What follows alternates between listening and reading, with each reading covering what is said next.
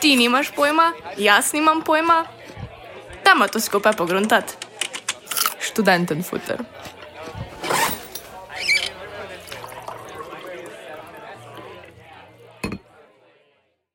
Dobrodošli spet v Študenten Futuru. Danes se bomo kot obljubljeno posvetili začetkom študentskega organiziranja. Torej, kako smo sploh prišli do današnje relativno komplicirane ureditve študentskih organizacij?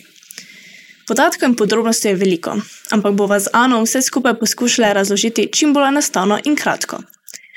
Po pregledu dogodkov pa bomo pokomentirali še slaven prenos tretje redne seje, šova in izpostavili najne najljubše trenutke. Jasno, o nejasnem. Vse se je začelo z SMS. To je bila politična organizacija mladih v Sloveniji, imenovana Zveza socialistične mladine Slovenije, ki jo je ustanovila komunistična partija SFRJ. Za tiste, ki se niste rodili v Jugoslaviji, SFRJ pomeni Socialistična federativna republika Jugoslavije. Organizacija je delovala od povojnih let vse do 90-ih, ko se je preoblikovala v stranko Liberalna demokracija Slovenije ali LDS. Organizacija izvira iz Zveze komunistične mladine Slovenije, ki je bila del Skoja. Najprej se je imenovala Ljudska mladina Slovenije, nato Zveza mladine Slovenije, ko pa so jo leta 1974 združili z Zvezo študentov, je postala Zveza socialistične mladine Slovenije. Starostna omejitev je bila 27 let, vendar ni veljala za funkcionarje organizacije, podobno kot danes. Do 80. leta je veljalo nenapisano pravilo, da so bili to člani Zveze komunistov Jugoslavije. Do takrat je ZSMS predvsem izvajala politiko, ki jim jo je narekovala Zveza komunistov. Na to pa se je to začelo nekoliko rahljati in so pričeli resneje opozarjati na problematiko mladih. Popularnost je povečalo tudi nasprotovanje tako imenovanemu usmerjenemu izobraževanju. Ko je partija začela ukinjati gimnazije, saj bi prihodnosti gimnazici lahko ogrožali delovanje oblasti. ZSMS začne opozarjati tudi na stanovansko problematiko študentov, večje nezaposlenosti, nezadovoljivo študentsko politiko ter vprašanja v zvezi z družbeno-ekonomskim položajem mladih kmetov. Vse bolj se je začela oddaljevati od oblasti in njene ideologije, ter se vključevati v različna civilno-družbena gibanja, naprimer mirovna, ekološka, prohomoseksualna in feministična. Zauzemala se je tudi za pravico do stavke, civilno služenje vojaškega roka, sprostitev podjetniške inicijative, legalizacijo skupine Lajbah in tako naprej. ZSMS se je konec 80-ih preoblikovala v novo politično stranko, najprej imenovano ZSMS Liberalna stranka, nato pa Liberalno-demokratična stranka, danes znana kot LDS. Znotraj zveze je delovala krovna organizacija, imenovana Univerzitetna konferenca, sedežem na Kersnikovi 4, ki je bila posebna organizacijska enota za študente. V 90-ih letih sta se iz Univerzitetne konference razvili študentska organizacija Univerze v Ljubljani in šov v Mariboru. Temu je potreboval tudi inicijativni odbor študentk in študentov, ki je z univerzitetno konferenco predstavljal zametke šov v Ljubljani. Odbor se je zauzemal za odpravo ideoloških elementov, kot recimo preomenjena naklonjenost komunistični zvezi. To je na primer omogočalo tudi vključitev teološki fakulteti. Uvedli so parlamentarni sistem, ki naj bi skrbel za, citiram, boljšo transparentnost in nadzor nad delovanjem, ter kar najbolj odprta vrata pri sodelovanju študenti in študentkami glede študentske politike. Določen je bil tudi proporcionalen sistem volitev, torej da je število študentov in študentk oziroma velikost fakultete odločila o tem, koliko poslank in poslancev jo bo zastopalo. Najprej so bili v to vrstno dejstvovanje vključeni predvsem poslanci Fakultete za sociologijo, politične vede in novinarstvo, današnji FDV, teološke fakultete in visoke policijske šole. Kasneje pa se je participacija širila tudi na druge fakultete. Šov v Ljubljani, kot ga poznamo danes, je bil tako ustanovljen leta 1990 z aktom o ustanovitvi študentske organizacije Univerze v Ljubljani. 27. novembra istega leta pa je bila sprejeta prva študentska ustava, s katero sta bili določeni organiziranost in delovanje šov v Ljubljani. Šov in šov tako nastaneta po ukinitvi ZSMS in univerzitetne konference kot novi organizaciji za študente. Kmalo po ustanovitvi so nastale pobude in ideje o študentskih bonih, ki bi študentom omogočili cenejšo in bolj zdravo hrano, torej en topel obrok na dan. Poleg finančnih ugodnosti za študente, naj bi bila to predvsem preventiva na področju zdravja, kar pomeni, da bi tudi država prihranila zdravstvenega vidika.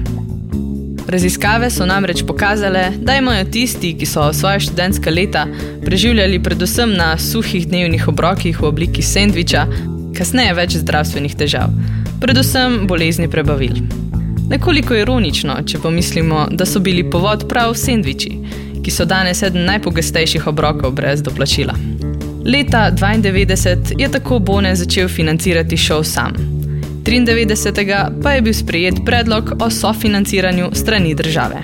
Študentje pa so delovali tudi na lokalni ravni.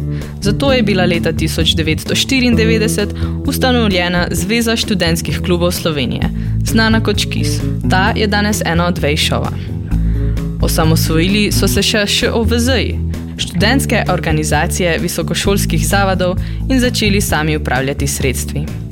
Kdaj pa potem pridemo do šosa? Pojavljati so se začele potrebe po enotnem zastopanju študentov. Tako je bila leta 2002 strani Show in Show kot krovna študentska organizacija ustanovljena Študentska organizacija Slovenije. S tem so bila vsa pooblastila prenesena na ŠOS.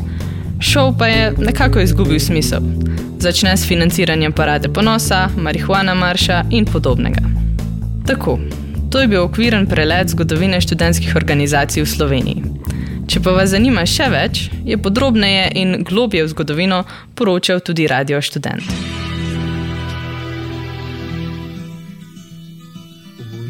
Student. nas iz 50 neke za zakletvu ti tu ja spevo sam stih ne spominjem prošlost ni bitke daleke jer rođen sam tek posle njih al život nama još kad kriva i preti nam preti ko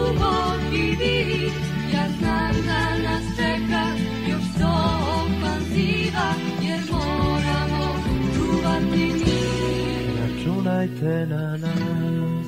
Sumnjaju neki da nosi nas pogrešan tok jer slušamo ploče i sviramo rok.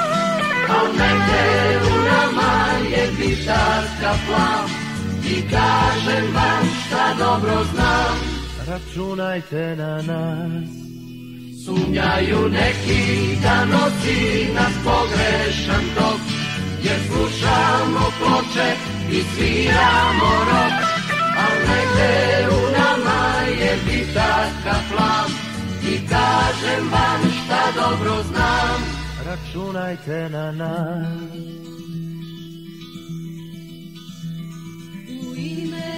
Nas iz 50 i neke, za zakletvu ti tu sam spevala stih. Ne spominjem prošlost, ni bitke daleke, jer rođena sam posle njih. U nama je sudbina budućih dana, i neki se možda i plaše za nju Kroz vene nam protiče krv partizana I mi znamo zašto smo tu Računajte na nas Sumnjaju neki da noći nas pogrešan tok Jer slušamo ploče i sviramo rok Al negde u nama je gitarska plav i kažem vam šta dobro znam. Računajte na nas. Sumnjaju neki da nosi nas pogrešan tok, jer slušamo ploče i sviramo rok. A negde u nama je bitaka plan i kažem vam šta dobro znam.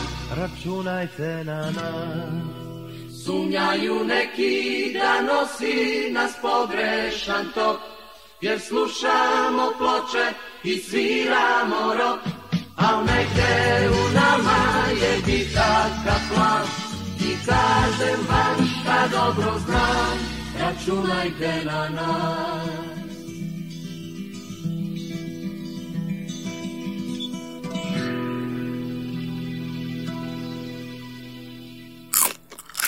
Veš kaj?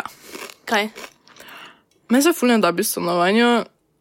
Kaj če bi šel enkrat za spremembo ven iz študenta, namesto da skozi ležimo tu? Mhm, oja, daj gremo. Bom jaz tole kar pogledala na radio basement, kje se kaj dogaja, ok? A ja, a ja, valjda. Ja, um, ne si dam samo hlače na hitro gor. Tudi v današnji oddaji ne bo manjkal izbor zanimivih spletnih dogodkov. A naj vas predtem še spomniva, da se bo počasi začel čas informativnih dnevov. Svetujeva, da si že zdaj naredite izbor fakultet ali srednjih šol in se čim prej pozanimate o poteku spletnih informativnih dnevov. Preden se posvetimo dogodkom, pa še naj opozorimo na vlogo za izplačilo solidarnostnega dodatka, ki jo je mogoče oddati do 31. januarja. Vlada je potrdila predlog 8. protikoronskega zakona in enkratni solidarnostni dodatek bodo prejeli tudi dijaki, starejši od 18 let in študenti, ki se v študijskem letu 2020 oziroma 2021 izobražujejo na tujem visokošolskem zavodu. Če dodatka ne potrebuješ, lahko z njim pomagaš študentskim kolegicam in kolegom v stiski. Donacijo nakažeš dobrodelnemu društvu Petka za nasmeh. Link lahko najdeš v opisu oddaje. Zdaj pa k dogodkom.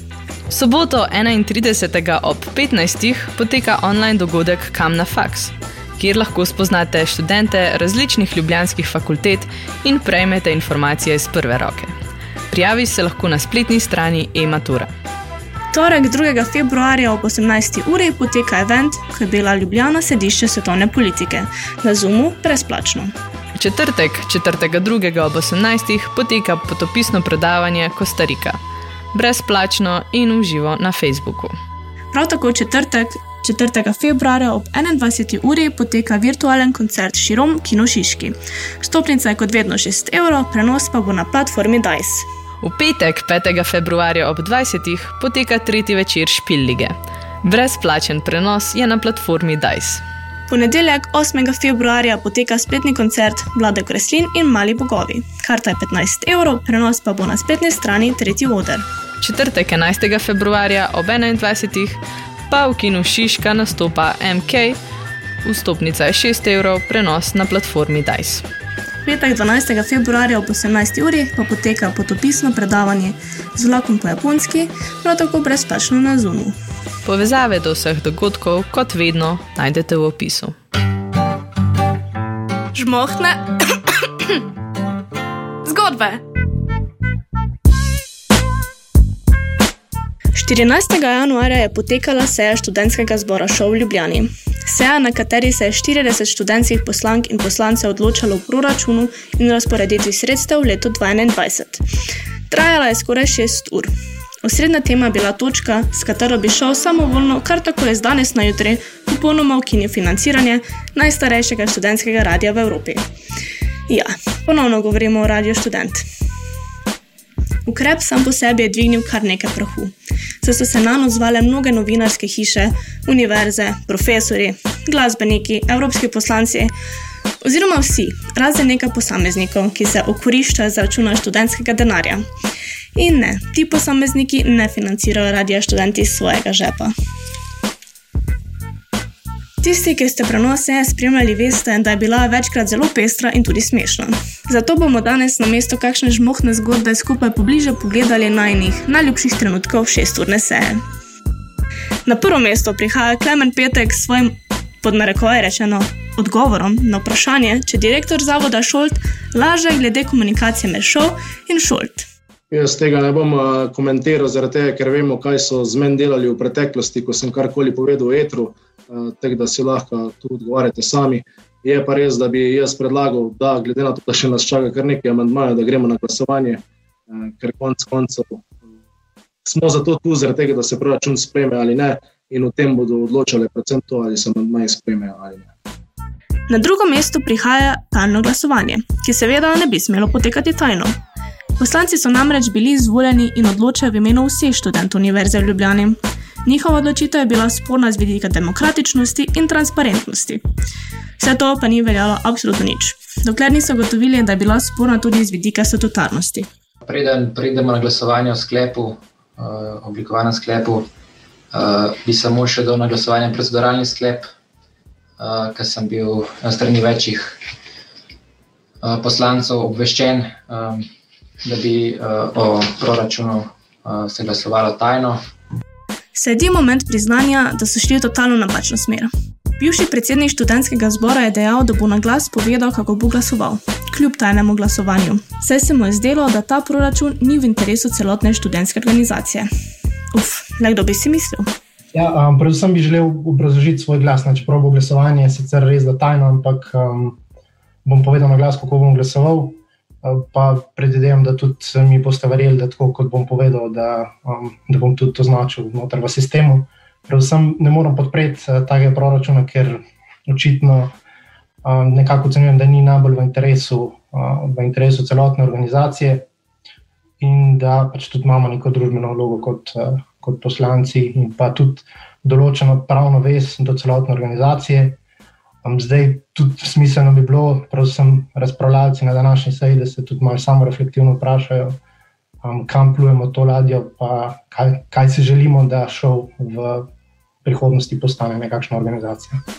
Ta seznam preprosto moram vključiti še zadnjo repliko Radia Student, kateri na zelo kulturen način utemeljijo, da so si vso škodo funkcionarji naredili prav sami. Najlepša hvala za besedo, se to bo zadnja replika naša danes. Um, pač, kdo je že rekel, da radio študent ne pomaga pri aktivaciji študentov? Uh, jaz vam čestitam za uh, tole eno najbolj obiskanih, verjetno najbolj obiskano sejo uh, šov vseh časov. 1500 gledalcev v 4 urah in pol. Uh, pa ni bilo najbolj prijetno gledanje na momente, nasploh, ko ste se uspeli zadržati pri raznih tajnih glasovanjih, s tem ste si naredili, seveda, medvedje uslugo. Ampak tukaj vidite, zakaj je lahko informiranje radio študent neprecenljivo, zakaj je lahko radio študent vaš velik zaveznik pri tem, kako aktivirate študente. Ne? Še enkrat, 1500 gledalcev. Uh, pač javna razprava je naporna, ampak prav je tako. Prav je tako, prav je, da ste pod pritiskom javnosti, prav je, da vidite, da vas ljudje gledajo. To je edini način, seveda, da glasujete odgovorno in javno in da argumentirate svoje trditve, tako da je to seveda tudi primerno tej javni razpravi. Moj najljubši moment celotne seje pa je intermezzo Jrneje, ki je na glas povedala to, kar si je mislilo več kot tisoč ljudi, ki smo sejo spremljali v živo.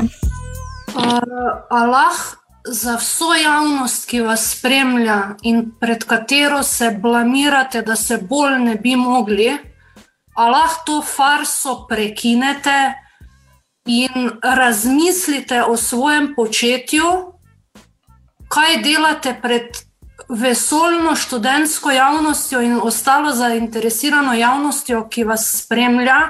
Ne vem, uh, moj mož, ki spremlja socialna omrežja, ker sama jih nimam, me obvestil, da spremlja preko tisoč ljudi to vašo farso in posmeh demokracije, in si dovolite nekaj, kar si še poslanci državnega zbora, o katerih o večini sploh nimam preveč dobrega mnenja.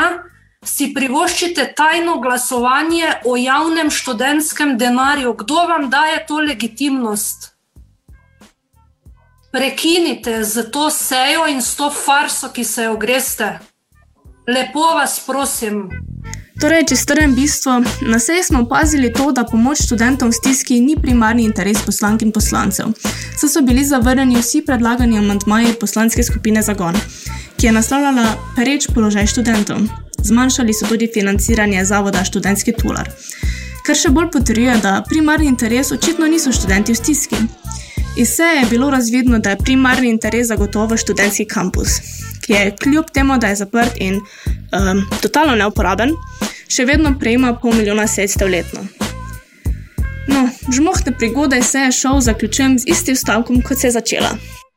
Da, daj, popizla bom. No, tako, pa smo se prebili do konca oddaje. Vabljeni k poslušanju naslednje, ki zide 11. februarja v kateri bomo naslavljali trenutno situacijo srednjih šol in nezadovoljstvo dijakov s trenutno ministrico za izobraževanje, znanost in šport, Simono Kustec.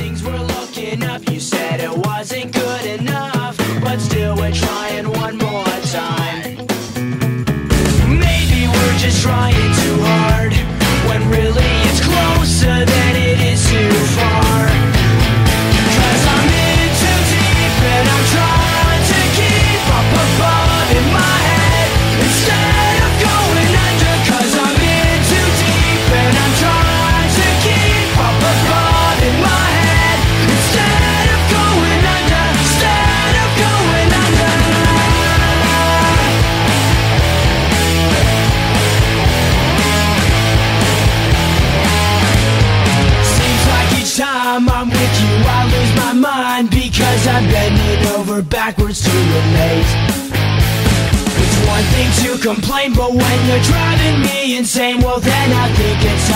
We took